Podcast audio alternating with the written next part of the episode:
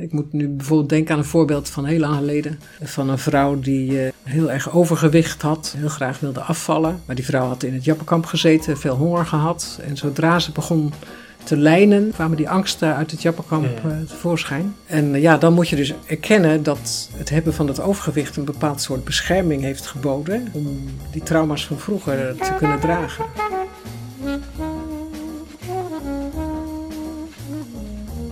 U luistert naar de Therapeut Podcast, een wekelijkse podcast waarin ik, Peter Voortman, openhartige gesprekken voer met therapeuten over hun professie, patiënten en zichzelf. Luister mee naar bijzondere, schrijnende en grappige verhalen uit de behandelkamer.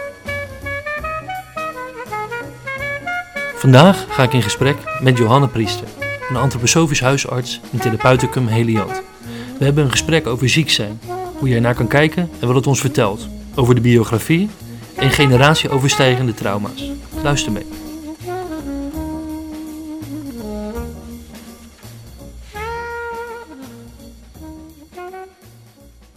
Goedemiddag, dokter Priester. Goedemiddag. Goedemiddag. Ik, ehm, ik begrijp dat in de antroposofie we niet één lichaam, maar vier lichamen hebben. Klopt, klopt dat? Ja, zeker. Ja. Tenminste, het ligt er maar aan hoe je het eh, beschouwt. Mhm. Maar eh, ja, je, Kan je daar wat je over zou het vertellen? inderdaad... eh, je zou het ook vier lagen of vier eh, eh, aspecten van het leven kunnen noemen. Hè? Mhm. En eh, ja, we onderscheiden dus eigenlijk twee onderste lagen. Dat wil zeggen het, het stoffelijke lichaam wat uit materie bestaat. En Ja. wat alles, alles wat weegbaar en meetbaar is, bevat. En daardoorheen loopt, zit eigenlijk een tweede laag die zorgt dat dat, eh, die stof tot leven komt. Hè, er zijn eh, mensen die, eh, die het vergelijken met, we hebben eigenlijk een mineraalniveau, wat overeenkomst met, eh, met de mineralenwereld, de stenenwereld. En daarom ook zich onderwerpt aan de zwaartekracht en aan, aan de krachten die zorgen dat stof uit elkaar valt. En dat je het kunt scheiden, dat je, dat je een grens hebt. En de tweede laag eh, die zorgt dat, dat het fysieke stoffelijke gebeuren tot leven komt. Dat kan je eigenlijk vergelijken met eh, wat in een plant ook gebeurt. Mhm.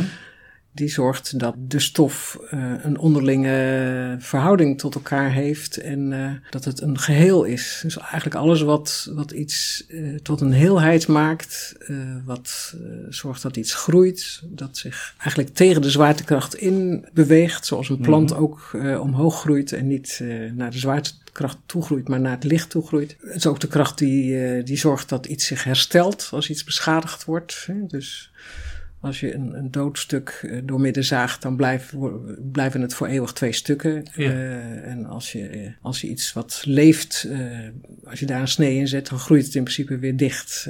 Dat is eigenlijk het, het levende stuk. Nou, dat, dat zijn dan de zogenaamde twee onderste wezensdelen, wordt het Mhm. ook wel genoemd. Het stoffelijke lichaam, of ook wel fysieke lichaam genoemd. En het etherlichaam, ehm, of het levenskrachtenlichaam die samen, ja, die, die werken eigenlijk eh, zoals wanneer je in diepe slaap bent. Als een mens in diepe slaap is, dan zie je eigenlijk in het bed zijn fysieke lichaam en zijn levenskrachtenlichaam, zijn etherlichaam, zijn dan actief en aanwezig. Vandaar dat we ook in onze slaap herstellen en, Mhm. en eh, groeien en eh, weer, eh, weer heel worden, zou je kunnen zeggen. En dan heb je daar daarnaast twee, wat je dan zou kunnen zeggen, hogere wezensdelen wordt het wel Mhm. genoemd. Hè? Het, eh, dat aspect wat zorgt dat we, dat we bewegen en dat we de wereld om ons heen waarnemen en daarop reageren. Zoals dieren dat ook doen. Dus eigenlijk bewegen in letterlijke zin en in figuurlijke zin. Bewogen worden door Mhm. emoties, door schrik, door honger, eh, noem maar op. En ook ons door de wereld kunnen bewegen. We hebben geen wortels. eh, de dieren hebben geen wortels, die staan niet vast op één plek. Maar kunnen zich dus door de wereld of door de lucht eh, bewegen. En dat aspect zorgt er ook voor dat er organen eh, ontstaan. Dat het dus niet, dat het geheel eh, wat het levenskrachten heeft, dat dat als het ware gedifferentieerd wordt in bepaalde gespecialiseerde stukken van, van het leven. En het zorgt er ook voor dat er eh, zintuigen zijn, dat poorten zijn, eh, dat er een, een binnen is en een buiten en poorten daartussen. De poorten van de zintuigen die eigenlijk zorgen dat er dat dingen die buiten dat levende wezen gebeuren eh, naar binnen komen en dat En dat dat levende wezen daarop kan reageren door middel van beweging of geluid maken. Of... Want wij kijken nu naar elkaar. Kijken nu, ik kijk nu naar een stoffelijk lichaam. Nee, je kijkt naar vier lichamen tegelijk. Ik kijk naar vier lichamen ja, tegelijk. Ja, je, je ziet natuurlijk mijn uh, stoffelijke gestalte uh, zitten. Maar je, je, ziet ook dat ik, uh, dat ik leef, dat, mm -hmm. dat ik een kleur heb die, die alleen levende mensen mm -hmm. hebben. Ja, dat er iets sprankelt, dat je ziet mij bewegen. Mm -hmm. je hoort mijn stem, je, je, je, ziet dus... En, je, en we kunnen elkaar aankijken en dan ja. kom je eigenlijk bij het vierde laagje terecht. Zodat als, als we elkaar aankijken, dan zie, zie, ik niet uh, alleen maar een levend mens en ik zie ook niet alleen maar een bewegend uh, of bewogen mens, maar mm -hmm. ik zie ook een mens. En ik ja. zie Peter ja. en, en niet zomaar iemand. Hè? Dan zit je dus op het vierde niveau, eigenlijk het, wat we dan ook het ik noemen, wat zich onderscheidt van een dier. Uh, een dier heeft eigenlijk alleen maar die drie lagen. Dus fysiek, levenskrachten en, en bewustzijnskrachten of astrale krachten wordt dat ook wel genoemd, hè? Die, die derde laag. En die vierde laag, het ik, dat is iets wat alleen mensen hebben. Wat, wat onderscheidt het bewustzijn van het ik? Het ik heeft, uh, is niet alleen bewustzijn van de wereld, mm -hmm. uh, maar ook bewustzijn van zichzelf. En wat een mens onderscheidt van een dier is dat het uh, een bewustzijn heeft van, van ontwikkeling en van het, het um, staan tussen twee werelden. Hè? Dus een, mens is eigenlijk burger van twee werelden, zeggen we wel eens. Hè? Van de geestelijke wereld. Een mens is wezen een geestelijk wezen die een stoffelijk uh, lichaam tijdelijk bewoont uh, om op aarde ervaringen op te doen. Uh, en zich ook aan die ervaringen te ontwikkelen. Terwijl een dier is, is eigenlijk een wezen wat, wat zich niet als individu ontwikkelt natuurlijk uh, huisdieren die, die heel veel met mensen omgaan, die hebben wel eens een beetje een soort individueel karakter, zou je mm -hmm. kunnen zeggen. Hè? Um, maar um, een mens is eigenlijk het enige wezen wat, ja, wat echt een, ieder voor zich een uniek leven leidt. En ieder voor zich unieke ervaringen opdoet en een eigen levensloop heeft, eigen beslissingen neemt, ook eigen ziektes krijgt, ja. natuurlijk. Hè? Om maar even uh, het toe te spitsen op, uh, op ons beroep hier. Wat, wat zeg ziek zijn over, ja, in welk lichaam word je ziek? je, je wordt, ja, dat is eigenlijk best een interessante vraag. Je kunt eigenlijk op allerlei lagen ziek worden. Dat mm -hmm. wil zeggen, eigenlijk op het geestelijk gebied, het pure ik-gebied, kan je eigenlijk niet ziek worden. Okay. Want ziekte heeft altijd te maken met de ontmoeting met uh, die, uh, de andere laag. Het feit dat je op aarde uh, woont, mm -hmm. maakt ook dat we ziek kunnen worden. En als je dus alleen aan, naar het ik-niveau kijkt, wat, wat eeuwig is en wat mm -hmm. niet aan het aardse gebonden is, ja, dan is ziekte eigenlijk niet meer aan de orde. Net zo goed als zwaartekracht niet aan ja. de orde is, zeg maar. En of je dan, of je dan ziek wordt terwijl je hier op aarde rondloopt, um, dat kan van allerlei factoren afhangen. Uh, onder andere hoe de verhouding is tussen die verschillende lagen ten opzichte van elkaar. Hè. Dus als je, en dat heeft voor een deel te maken met uh, welk, welk lichaam je meegekregen hebt vanuit de erfelijkheid. En voor een deel wat je ermee doet. En voor een ander deel weer wat je tegenkomt zo in je leven. Heeft ziekte of ziek zijn een functie? de belangrijkste functie van ziek zijn, net als van het hele leven trouwens, is mm. ervaringen opdoen. Dus ja, ik heb kort geleden een mooie uitspraak gelezen. Uh, we zijn eigenlijk alleen maar ziek om eraan beter te kunnen worden. Om de ervaring te hebben mm. hoe het is om beter te worden of te proberen er beter aan te worden. Dan zou je dus kunnen zeggen dat iemand die veel ziek is, een heel leerzaam leven heeft. Ja, dat is denk ik ook wel zo. Oh, niet per se leerzamer mm. dan iemand die niet ziek is geworden of die weinig ziek is. Want je kan natuurlijk op, op heel veel verschillende manieren ervaringen ja. opdoen. Maar ziek zijn lijkt me geen streven. Nee, dat is ook niet een streven, maar het is een gegeven. Mm -hmm. Ziek zijn hoort bij het leven, net zo goed als dood bij het leven hoort. Wat kan je iets vertellen van wat ziektes ons willen vertellen? Of wat? Ja, ik denk dat ziektes ons altijd wel iets willen vertellen, mm -hmm. maar het is wel soms moeilijk om erachter te komen wat ze willen vertellen. Want het antwoord kan op zoveel verschillende niveaus uh, liggen. Hmm. Het kan. En, en, ik weet het antwoord ook heel vaak niet. Maar het is wel. Um, het maakt wel uit of. Zo, zo werk ik althans. Het maakt uit of je in principe ervan uitgaat dat een ziekte iets te vertellen heeft. Ook al Mhm. weten we nog niet wat. Mhm. En ik vertrouw er eigenlijk op dat ooit het antwoord waarom iets zo is zoals het is gegaan, eh, gegeven wordt.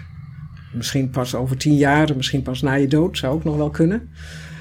Eh, Wat- het, komt ook, het komt ook regelmatig voor dat mensen terugkijkend op hun eigen leven soms ontdekken dat eh, een ziekte die ze misschien 15 jaar geleden hebben gehad, ervoor gezorgd heeft dat ze nu bepaalde beslissingen eh, hebben kunnen nemen. Ik noem maar iets. Ja. Of, of bepaalde ontmoetingen hebben kunnen hebben die ze danken aan het feit dat ze ziek zijn geweest. Wat het doel, doel ook zou mogen zijn. Ziekte heeft wel een doel. Ja, niet, eh, niet een doel op zich, Mhm. maar een middel. Het is meer een middel, denk ik, dan een doel. Het, het, het doel, eh, het is zeker niet zo. dan zou je juist gaan denken van, nou, laat mij maar lekker ziek zijn. Ik denk dat het ook vaak zo Mhm. is dat, dat er bepaalde doelen in het leven zijn die je onbewust hebt voorgenomen. Hè. Ik, ik ga ervan uit dat als je op aarde komt, dat je bepaalde voornemens hebt om bepaald soort ervaringen op te doen of een bepaald soort om mensen te ontmoeten. En dat ziektes eh, een van de manieren zijn om een doel te verwerkelijken, maar niet per se het, de enige mogelijkheid. Ik heb ook wel eens de indruk eh, dat, dat sommige eh, intenties op meerdere manieren op, op iemands pad komen. En eh, dat de boodschappen als het ware steeds duidelijker soms kunnen worden. Misschien in sommige gevallen uiteindelijk tot een fysieke ziekte kunnen leiden.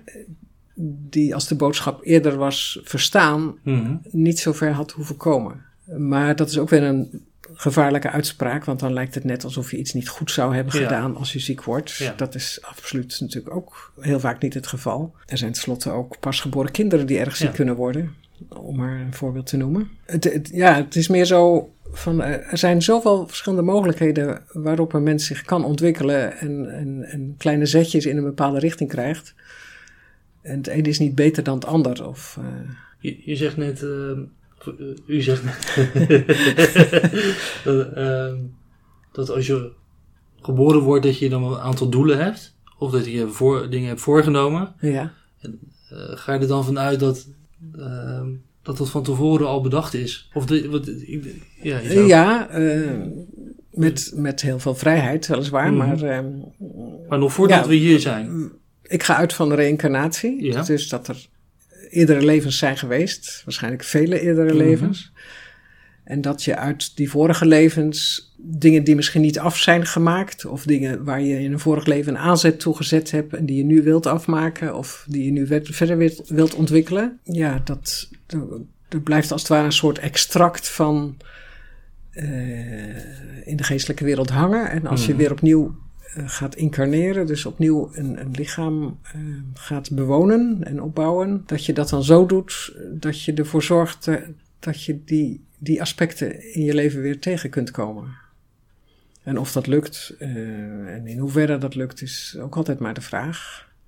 En ik, eh, ik ben niet helderziend, dus ik kan niet Nee. zien eh, hoe dat precies gaat. Maar ja, de manier waarop dat beschreven wordt, met name door Rudolf Steiner, ehm, komt mij zo overtuigend over. Mhm. En ja, dat vind ik een heel werkzaam ehm, manier van kijken naar de wereld. En, en ik, heb ook het idee dat ik daardoor de mensen en de wereld beter kan begrijpen eh, en ook beter uithouden. Dus ook dingen die moeilijk zijn, als je die in een breder perspectief plaatst, zijn ze vaak beter uit te houden. Om- Omdat je, eh, omdat je je dan kunt voorstellen ja, dat, eh, dat, dat, dat iets in, in een veel groter verband, iets wat nu negatief lijkt, in een groter verband positief zou kunnen zijn. Die voornemens, hoe verhoudt dat zich met, met de biografie? Ja, uit die biografie, of uit die voornemens ontstaat, ontstaan bepaalde aspecten van die biografie. Dus dat kan zijn dat je met, met iemand nog iets uit, uit te vechten hebt, of, of, of verder te ontwikkelen hebt. Hè. Niet per se negatief, maar. Dus dat je ergens in je biografie iemand tegenkomt. Ja, de meeste mensen kennen dat wel zo half gevoelsmatig. Dat je iemand tegenkomt en, en er is meteen zo'n klik alsof je Mhm. elkaar al heel lang kent. Eh, en ik denk dat het ook werkelijk zo is, soms, in sommige gevallen. Heel vaak, misschien zelfs wel vaker dan je zelf Mhm. denkt. Hè? Dat je ergens iets herkent van, hé, hey, jou heb ik eerder gezien. Of jij hoort bij mijn groep of zo, zoiets. Dus dat is een van de dingen. Maar, maar ook nou, wat ik net al zei, de, het soort lichaam wat je wilt gaan bewonen, maakt natuurlijk bepaalde mogelijkheden en onmogelijkheden. Ik begrijp, en dat, zei dokter Garbe ook al, van nou, is in een soort, uh, het leven heeft, heeft een doel in die zin dat het is een leerweg Mhm. om uh, meer te leren. Dat neem je weer mee naar de geestelijke wereld Ja. en ook door naar de volgende Ja. levens. Maar heeft het leven in dit leven een doel? Ik bedoel, Een eh, bijdrage leveren aan de ontwikkeling van de mensheid in het groot. dus, eh, Ja, dus we zijn, zijn eigenlijk met z'n allen ja. op weg eh, om een ontwikkeling door te maken. Mhm. Ja, dat voert wel heel, heel ver om daar, daar nu weer over te praten. Maar Ja. ik denk dat, we, dat ieder individu voor zich een stukje van die ontwikkelingsweg draagt en ook wil dragen. Want heeft de hele mensheid dan ook een biografie? Of, Ja, of- en le- levensfases? Ja, ook. Ja.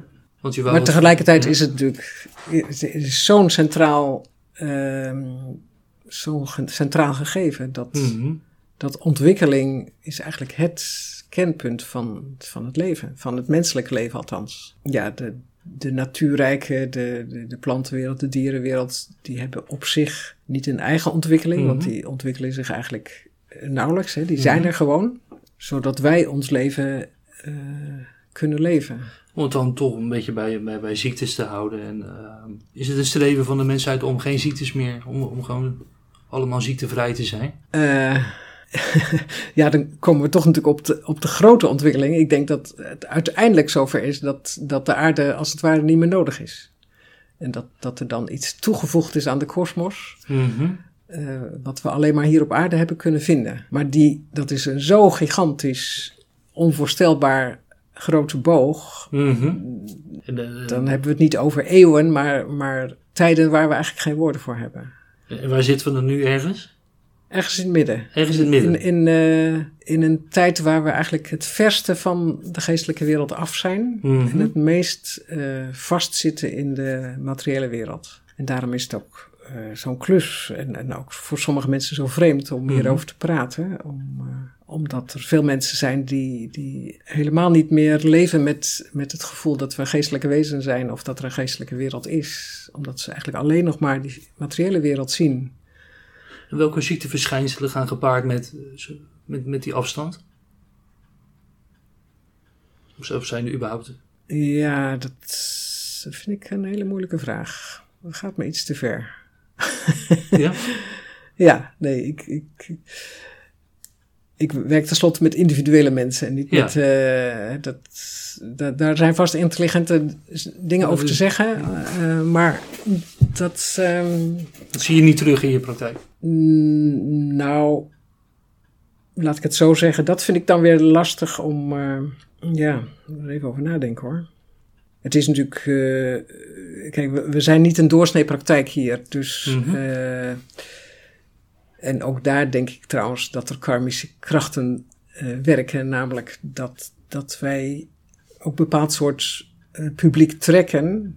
Omdat, omdat mensen al of niet bewust aanvoelen dat we proberen de mens als geestelijk wezen te zien en, eh, en aan te spreken. En intermenselijk contact te hebben. En niet, niet alleen maar de buitenkant en de, en de protocollen afwerken. Maar, eh, maar dat het echt uitmaakt eh, met welke individu je zit. Hè. Daarom is het natuurlijk ook zo grappig dat, dat bijvoorbeeld als er.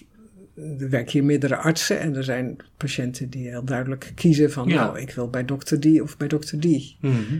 Dat is in andere praktijken natuurlijk ook wel zo, eh, op vriendschappelijk niveau en bovendien eh, ook op karmisch niveau. Want ook al noemen ze het daar niet zo, dat is natuurlijk op andere plekken ook zo.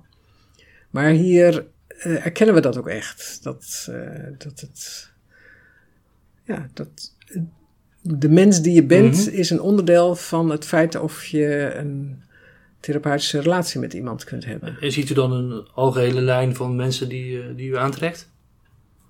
Nou ja, inderdaad, daar was ik nou op weg dat, dat mensen die hier, eh, of een, een groot deel van de mensen hier, eh, eigenlijk ook dat herkennen vanuit de manier waarop ze zelf ook in het leven staan. Dat, dat ze toch wat holistisch in het leven staan en soms ook met, met spiritualiteit wat meer bekend zijn.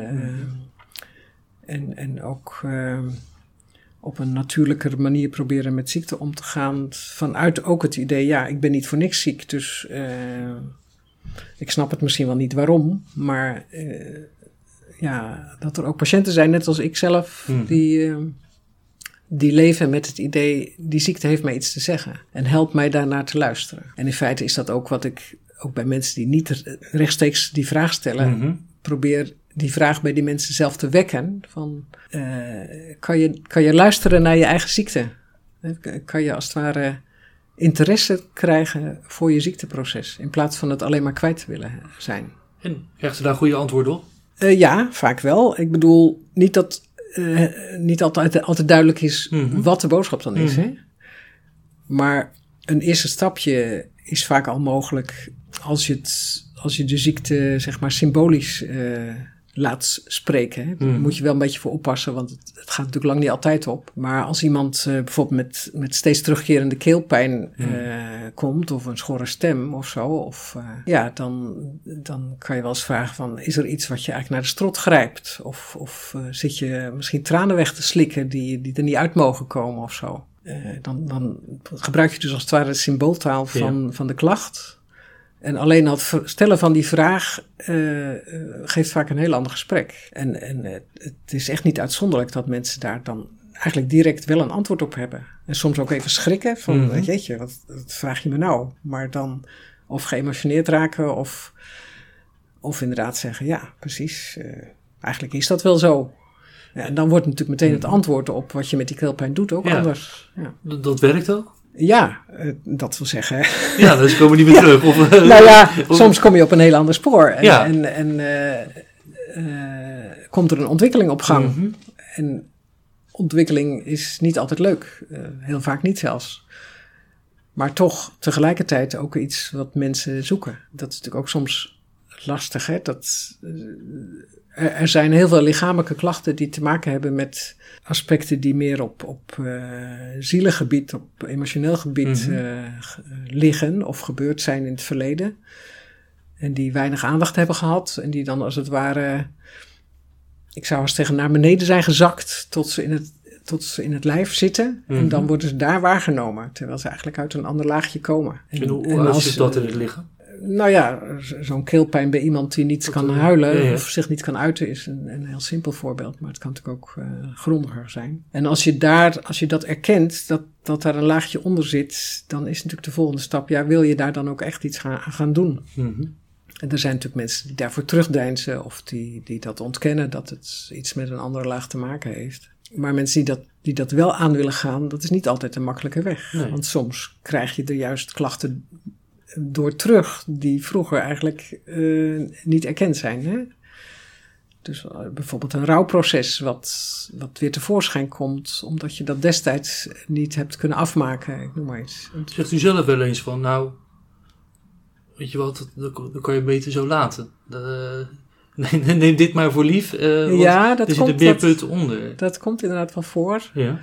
Ja, er zijn mensen die, uh, die heel veel hebben meegemaakt mm -hmm. en, en, die ook heel veel lichamelijke klachten hebben. En waarvan ik wel eens de indruk heb dat ja, bijna als een soort, uh, een soort uh, ballonnetje wat je onder water wil drukken ja. en wat op een andere plek dan tevoorschijn komt. Mm -hmm. Dus er zijn wel eens mensen waar, waar de psychische en de lichamelijke klachten elkaar afwisselen. Zo van als je aan het lichamelijke iets gaat doen, dan worden de psychische klachten worden erger. Uh, en andersom. Uh, alsof het ergens gedragen moet worden. En het komt voor dat, dat het hebben van lichamelijke klachten misschien makkelijker te dragen mm -hmm. is dan het, het zich realiseren van de psychische nood die iemand met zich mee heeft gedragen. Uh, ik moet nu bijvoorbeeld denken aan een voorbeeld van heel lang geleden. Van een vrouw die heel erg overgewicht had en, en heel graag wilde afvallen. Maar die vrouw had in het Jappenkamp gezeten, veel honger gehad. En zodra ze begon te lijnen, zeg maar, zich moest mm -hmm. beperken in het eten, kwamen die angsten uit het Jappenkamp ja, ja. Uh, tevoorschijn. En uh, ja, dan moet je dus erkennen dat het hebben van het overgewicht een bepaald soort bescherming heeft geboden. Mm -hmm. uh, om, om die trauma's van vroeger te kunnen dragen. En niet iedereen kan het aan, zeker niet op oudere leeftijd, Mhm. om dat dan helemaal weer om te gooien. Het verwerken van trauma's, dat is geen, geen doel op zich. Ik denk dat je een trauma in feite altijd wel enigszins verwerkt, Mhm. alleen al door het mee te dragen. Oké. En, en ook door het hebben van chronische pijn bijvoorbeeld. Mhm. Ik denk dat het, het dragen en het doormaken van chronische pijn of, of eh, andere chronische klachten, alleen het dragen daarvan Mhm. al een stukje ontwikkeling eh, zou kunnen zijn. Het, eh, het alleen dragen, dat zou ook kunnen betekenen dat je het in het volgende leven niet meer hoeft mee te dragen. Dat je toch een stukje van dat trauma op die manier verwerkt hebt. Ja. Mogelijk, hè? Ja. Nogmaals, ik, ik, kan het niet, ik kan het niet zien, hè? Nee. Eh, maar Maar dat zijn eh, wel je gedachten daarbij. Dat zijn mij wel, wel mijn gedachten. En dat maakt het ook weer draaglijker. En ook als je er op zo'n manier, kan je er toch ook wel over praten zonder die trauma's uit te werken. Maar Mhm. bij sommige mensen kan je dat op die manier toch wel benoemen. Dat het voor de patiënt soms dan ook weer makkelijker is om, om het te blijven dragen. Ja. Het dragen op zich eh, is een ontwikkeling. Net zo goed als je ja, door het dragen van of het optillen van eh, gewichten in de, mm, in de sportzaal maak je je spieren sterker. En hoe meer gewicht je optilt, hoe sterker je spieren worden. En, eh, ja, dus het dragen van een psychische last maakt ook iets sterker. Nou, gewoon het volhouden al. Dat, je, Mhm. dat je gewoon toch maar weer volhoudt, ondanks het feit dat steeds maar weer die klachten terugkomen. En een ander aspect is natuurlijk mensen met chronische klachten of beperkingen of handicaps. Die hebben daardoor ook een invloed op hun omgeving. Mhm. Komen daardoor hulpverleners tegen of andere mensen die, die proberen te steunen. Nou Ja, als, je, als je naar ernstig gehandicapte mensen kijkt of, of, of hele oude mensen die bijna niks meer kunnen. Of demente mensen. Daar staat een hele kring van mensen omheen om, Ja. om dat leven mee te dragen. En die kring op zich, ja, daar gebeurt ook al van alles. Dus het is ook voor die mensen in de kring een, een manier van oefenen, van ontwikkelen, van En het biedt eigenlijk iemand anders wat.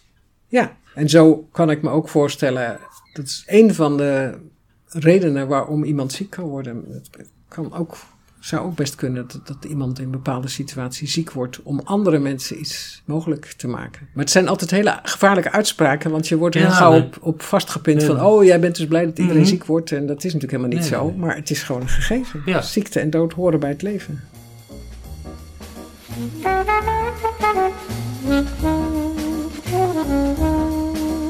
U luistert naar de Therapeut Podcast. Abonneer u via uw favoriete podcast-app en krijgt elke week automatisch een nieuwe aflevering. We horen graag uw mening. Vragen, opmerkingen of suggesties kunt u sturen naar info.detherapeutpodcast.nl of laat een review achter via uw podcast-app. En nog even over de, over de ziel, die, die kan zakken. Ja. Ja, ehm, want heeft de, wat heeft de ziel nodig? Hoe zorg je ervoor dat hij niet zakt? Of eh, hoe, eh, wat is een gezonde ziel? Of, Nou, een van de belangrijkste dingen is eh, ontmoeting met andere zielen, met andere mensen. Dus dat, eh, dat er uitwisseling is, dat je ergens bij hoort, dat je, dat je gehoord wordt, dat je kunt uiten. Dat, eh, dat er, eh, ja, eh, kunst, religie en natuur zijn Mhm, eigenlijk ook mhm. voedingsbronnen voor de Ja. ziel. Hè? Kunst is natuurlijk een manier waar, waar, waardoor mensen vaak ook zichzelf beter begrijpen, omdat ze iets, iets terugvinden in een kunstwerk, muziek of beeldende kunst of wat dan ook. In een boek biedt herkenning, het biedt troost, het biedt eh, meer begrip voor zichzelf, voor andere mensen om hem heen. Eh, het, het biedt eh, een sociaal netwerk. Als je samen naar een concert luistert, dan, dan, ja, dan, dan ben je. Dat, dat is af en toe toch heel bijzonder dat je met duizend mensen tegelijk ja. allemaal op dat, hetzelfde moment naar zo'n muziekstuk luistert. Hè? Dus dat al die zielen even met hetzelfde gevuld zijn. Mhm. En dat die mensen op, de, op het podium een halve leven geoefend hebben om bijvoorbeeld een instrument eh, te beheersen. Dat, dat die dan ineens ook allemaal tegelijk eh, met datzelfde muziekstuk bezig zijn. Dat, dat, dat is een heel belangrijk gebeuren van de ziel. Kan het dan ook een advies zijn van, eh, tegen iemand van nou, ga eens wat meer, eh, Ja. meer kunst bekijken of eh Ja, zeker, laat je zeker, wat meer verdiepen? Ja, Of, ja, ja. Dat, Ja, ik vraag vaak wat zijn bronnen van, van gezondheid of van Mhm. inspiratie. En dan krijg je soms te horen, oh, ik, ik eet heel erg gezond en ik ga naar de sportschool. Mhm. En dan heb je eigenlijk dus twee, de twee uitersten, zou ik zeggen. Ja. Van eh, gezonde voeding ehm, is natuurlijk eh, heel belangrijk. Mhm. En eh, bewegen is ook heel belangrijk. Maar ehm, sportschool is tamelijk eh, mechanisch, kan dat Mhm. zijn. En juist de, de zielenkant wordt dan eigenlijk niet gevoed. En ja, dan noem ik inderdaad wel eens ehm, ja, minstens een van die drie, hè, natuur, kunst of religie. Een van die drie aspecten zouden eigenlijk ook verzorgd moeten worden. En er zijn natuurlijk ook mensen die juist in de natuur. De natuur is natuurlijk eindeloos geduldig. Mhm. En de natuur wil gezien worden, wil waargenomen worden. En geeft ons dan ook het gevoel van verbondenheid als, je, als dat lukt. Of een gevoel van troost of schoonheid. Of, eh, eh, ja, de natuur is ook, die, die, is ook die, die wacht als het ware op onze ontwikkeling. Mhm. Dus die, die wil alleen maar heel graag dat wij mensen ons, zich ontwikkelen. Dus daarom is het ook zo belangrijk dat we de natuur als zodanig waarnemen en herkennen en er ook voor zorgen. Ja, en religie is natuurlijk de, de derde tak. Mhm.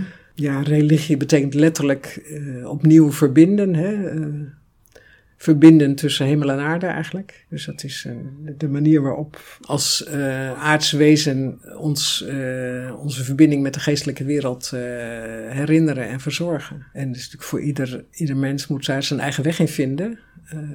Maar ik denk dat eigenlijk ieder mens een van die drie aspecten... Je hoeft ze niet alle drie te hebben. Nou, dat is natuurlijk helemaal mooi. Ja? ja? Dan kan je er ook te veel van hebben. Nee, dat denk ik niet. Nee? Nee. Nee. Nee. Dat Dat, wil zeggen, ja, je moet natuurlijk ook eh, zorgen dat je eh, inderdaad eh, goede voeding hebt. En Mhm. je moet ook je huis schoon Ja, houden en ja. dat soort dingen. Hè. Dus dat, Niet alleen, maar Niet alleen, in maar- principe niet. ja, er zijn tenslotte mensen die hun hele leven wijden aan, aan, Ja. aan het verzorgen van dit soort aspecten. Mhm.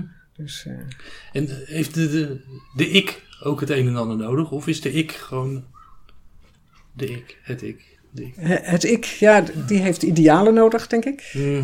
Eh, en en eh, om idealen te ontwikkelen is het mooi als je voorbeelden hebt. Dus als je, als je eh, zeker als jong mens, als puber of zo, je eh, een fan van iets of iemand kunt Mhm. zijn of iemand kunt bewonderen. Dat, vooral als jong mens eh, eh, behulpzaam om later eh, als vrij volwassen mens eh, je eigen doelen te kunnen stellen. Warmte is nodig, letterlijk en figuurlijk. Mhm. Want warmte is eigenlijk dat element wat, wat de geest met. eh, wat het, het mogelijk maakt dat de geest op aarde is. Zonder warmte zouden we hier niet zijn. Warmte van de zon, de inspiratie van de zon, maar ook de letterlijke warmte van de zon, die in, ook in ons bloed zit. En ook de warmte van het enthousiasme.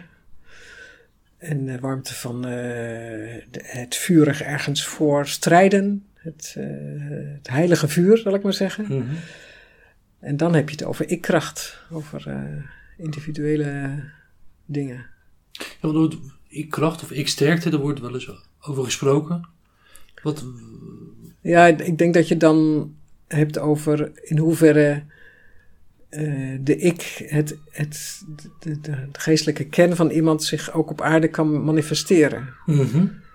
Of het hem lukt om, om zijn hele lichaam goed te, tot in de puntjes van zijn tenen, om daar echt aanwezig te zijn en, en om sturing te geven aan zijn, aan zijn ziel, aan zijn, aan zijn emoties. Eh, en om, om inderdaad keuzes te maken in zijn, in zijn leven. En zijn, zijn lichaam goed doorvormen. Of dat hij zich als het ware een beetje terughoudt en, en minder zichtbaar is of minder krachtig zich met, met de materie kan uiteenzetten. Als je geen sterke ik hebt, zie je dat, komt dat terug als een ziekteverschijnsel? Of?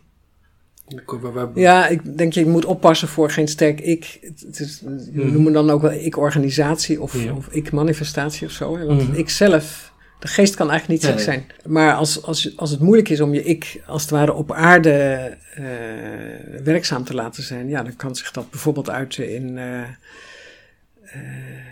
dat je, dat je chaotisch bent, of dat je steeds dingen begint en ze niet afmaakt. Mhm. Of eh, ja, als, als het vanaf het begin al zo is dat je een misvormd lichaam hebt, misschien bijvoorbeeld. Hè? Daarom is het ook bij vele vormen van verstandelijke handicap, die zijn, de mensen zijn vaak ook lichamelijk gehandicapt. Mhm. Of ze hebben een motoriek eh, of een, of een eh, manier van spreken waaraan je kunt waarnemen dat het ik zich niet vrij zichtbaar kan maar worden.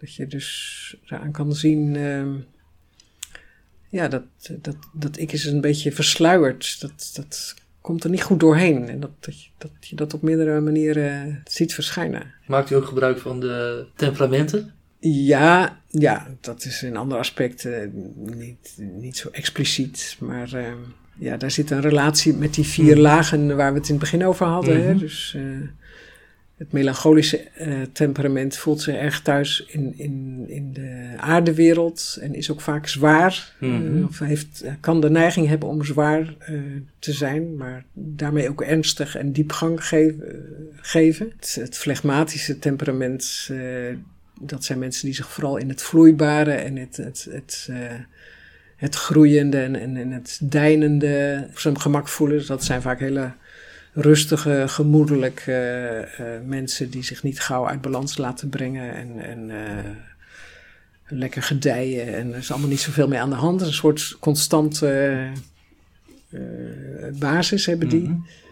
Dan heb je mensen die sanguinisch zijn, die, uh, die dus heel makkelijk van hot naar her uh, springen, heel bewegelijk zijn, uh, letterlijk en figuurlijk mensen met elkaar in verbinding brengen en, en van het ene idee naar het andere hoppen. En je hebt mensen die cholerisch zijn, die vooral het vuurelement sterk vertegenwoordigd hebben en die dus echte strijders en initiatiefnemers en, en uh, mensen waar, waar je misschien ook eerder ruzie mee krijgt, omdat ze zo echt uh, uitgesproken kunnen zijn. Waar, waar schat hij zichzelf in? uh, in de melancholische, ja? flegmatische hoek. ja, ja, ja, ja, ja. ja. Het, is, het is een combinatie, mensen zijn een combinatie. Het is ja, in principe hebben we allemaal alles in ons, zoals we ook allemaal vier wezensdelen hebben.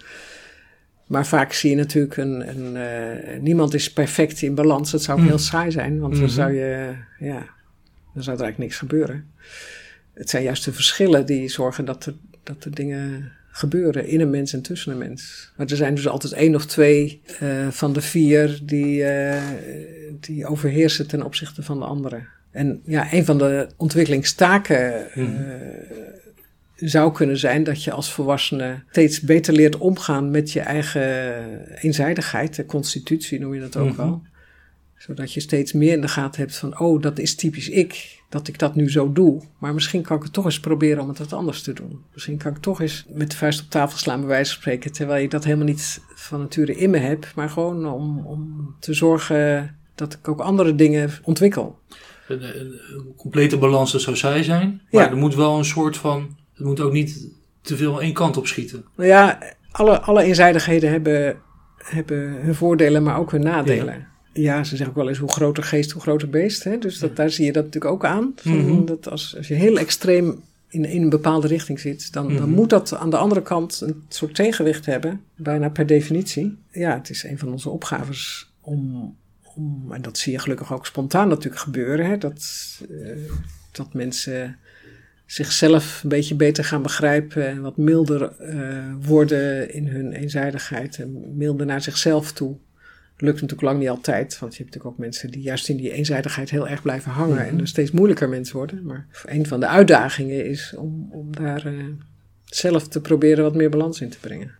En als je kijkt naar bijvoorbeeld uh, persoonlijkheidsstoornissen en psychische problemen, in welk, in welk lichaam of op welk laag speelt zich dat af of is Ja, persoonlijkheidsproblemen en veel psychische klachten ontstaan in de jeugd. Mm Veel lichamelijke klachten trouwens ook natuurlijk, chronische klachten. En dat heeft te maken met um, dat niet alleen ons stoffelijke lichaam een bepaalde de tijd nodig heeft om zich te ontwikkelen, maar ook het mhm. etherlichaam, dus het levenskrachtenlichaam en het bewustzijnslichaam en het ik-lichaam, om het maar even zo te zeggen, die mhm. hebben ook allemaal rijpingstijd nodig. En um, dus de stoffelijke rijping ligt voor de geboorte uiteraard. Want ja, met de geboorte zelf krijg je je eigen stoffelijke lichaam. Hè. Voor die mhm. tijd is het opgenomen in dat van de moeder. En na de bevalling, als de uh, navelstreng wordt doorgeknipt, heb je ineens je eigen stukje stoffelijkheid. En dan het, het uh, levenskrachtenlichaam ontwikkelt zich zeg maar in de eerste zeven jaar. En het... Uh, astraal lichaam, het, het, emotionele lichaam, ontwikkelt zich in de tweede zeven jaar uh, en het ik-lichaam in de derde zeven jaar, zeg maar. En net zo goed als het stoffelijke lichaam zich slechter kan ontwikkelen als de moeder bijvoorbeeld uh, ondervoed is, Mhm. noem maar iets, hè, wat is ook later gebleken bij Hongerwinter- hongerwinterbaby's, inderdaad. En ook in de, de derde wereldlanden wordt dat natuurlijk nog steeds helaas uh, gebeurt dat. Ja, zo kan ook, ook die, die andere lichamen kunnen uh, zich moeilijker ontwikkelen als, als de laag daarboven, zeg maar, bij de, bij de ouders of bij de omgeving uh, niet voldoende voeding heeft gegeven. Dus als een jong kind opgroeit in een, in een gezin waar heel veel uh, emoties uh, door de ruimte schieten, die, Mhm. die niet uh, gestuurd worden door een ik en die, die niet verwerkt zijn, of, of, er, of er liggen trauma's die, die niet bewust zijn gemaakt en waar de ouders niet aan werken. Of, of er worden dubbele boodschappen uitgezonden dat, uh, dat een, een kind uh, geknuffeld wordt en uh, een halve dag later geslagen wordt. Ik noem maar iets. Hè, dat, als er dus veel verwarrende signalen zijn, dan betekent dat dat het, het levenskrachtenlichaam, dus dat lichaam wat zorgt voor opbouw en groei en herstel, dat dat zich minder goed ontwikkelt.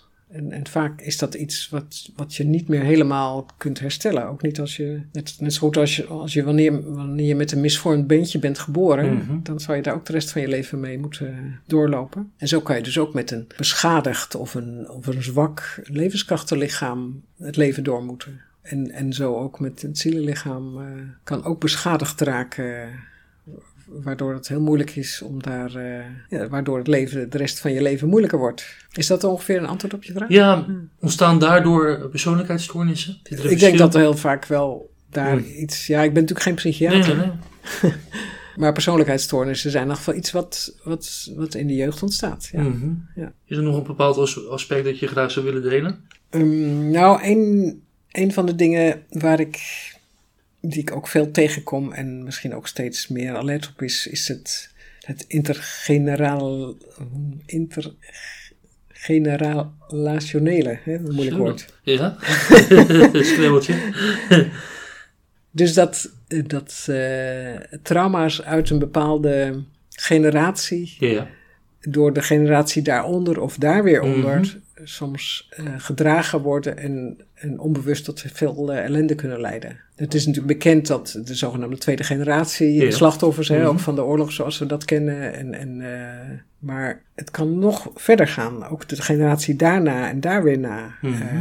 Kun- die kunnen dingen meedragen Mhm. die, die eigenlijk als het ware in de lucht zijn blijven hangen. En als kleinkind eh, ben je nog zo perifeer dat je eigenlijk alle emoties en, en, en beschadigingen die, die in de zielenwereld in jouw omgeving hangen, Mhm.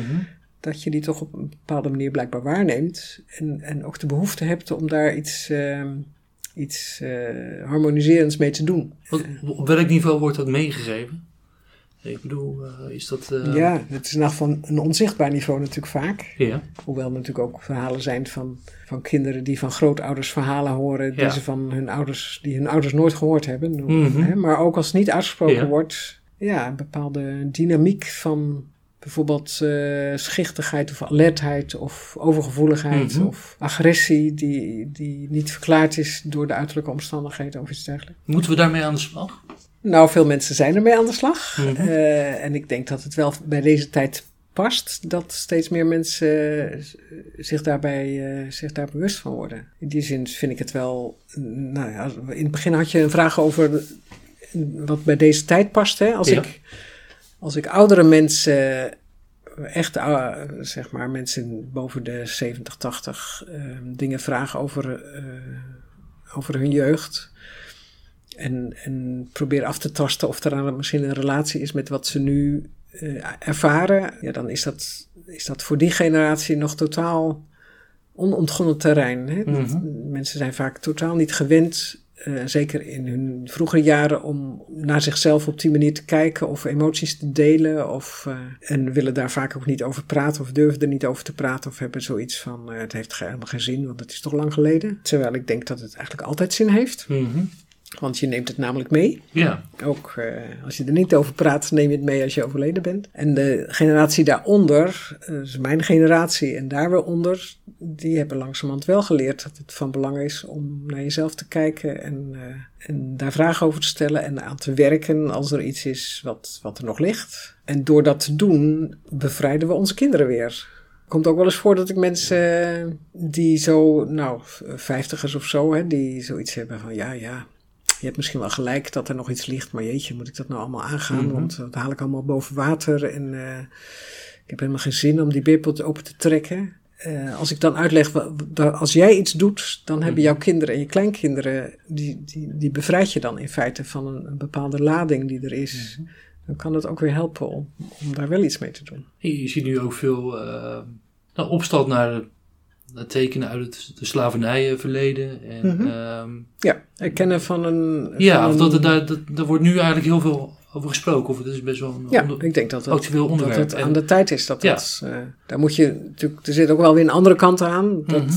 dat het ook aan de tijd is dat we in, individueel ons ontwikkelen. En niet als ras of als Ja. volk of als Mhm. land of zo. Het, het is nu aan de tijd. Het is een hele tijd zinvol geweest om, om je vooral met je, met je groep te identificeren. Of met je, met je stam of met je dorp of Mhm. met, je, met je land of met je taalgenoten of zo. Eh, en dat heeft een hele lange tijd een hele belangrijke functie gehad in de ontwikkeling van de mensheid, denk ik. Mhm. Maar nu zijn we aan een periode toe dat we ons als individu moeten ontwikkelen. En daarom is het ook zo mooi dat, dat rassen en landen steeds meer door elkaar gaan Ja. lopen. Want Je steunt het individualisme eigenlijk. Ja, maar wel zo dat we allemaal als individu het Mhm. geheel meedragen. Niet, dat- niet dat we als individu uit elkaar vallen, maar juist nee, dat nee. we ieder voor zich ons eigen stukje eh, Maar- meedragen. Maar dat de zuilen weg zijn en dat we allemaal Ja, een beetje ja. de- daar zelf over na gaan denken. Is dat het? Ja, en dat we interesse in elkaar hebben en uitwisselen. En, eh, het is toch hartstikke mooi dat dat nu gebeurt. Hè? Dus, is nog maar 50 jaar geleden dat katholieken en protestanten eh, al Ja. niet in eh, dezelfde winkels boodschappen deden. Mhm. Ja. En, en, eh, en nu, ja, hier, zeker hier in de stad, eh, tientallen eh, landen en volksmensen en Mhm. rassen door elkaar. En eh, dus ik vind dat fantastisch. Het is natuurlijk niet makkelijk, maar ja, het leven is, is gewoon niet makkelijk. Nee.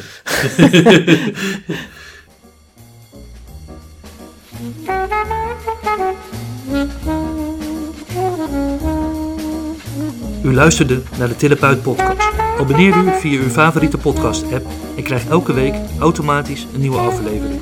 We horen graag uw mening.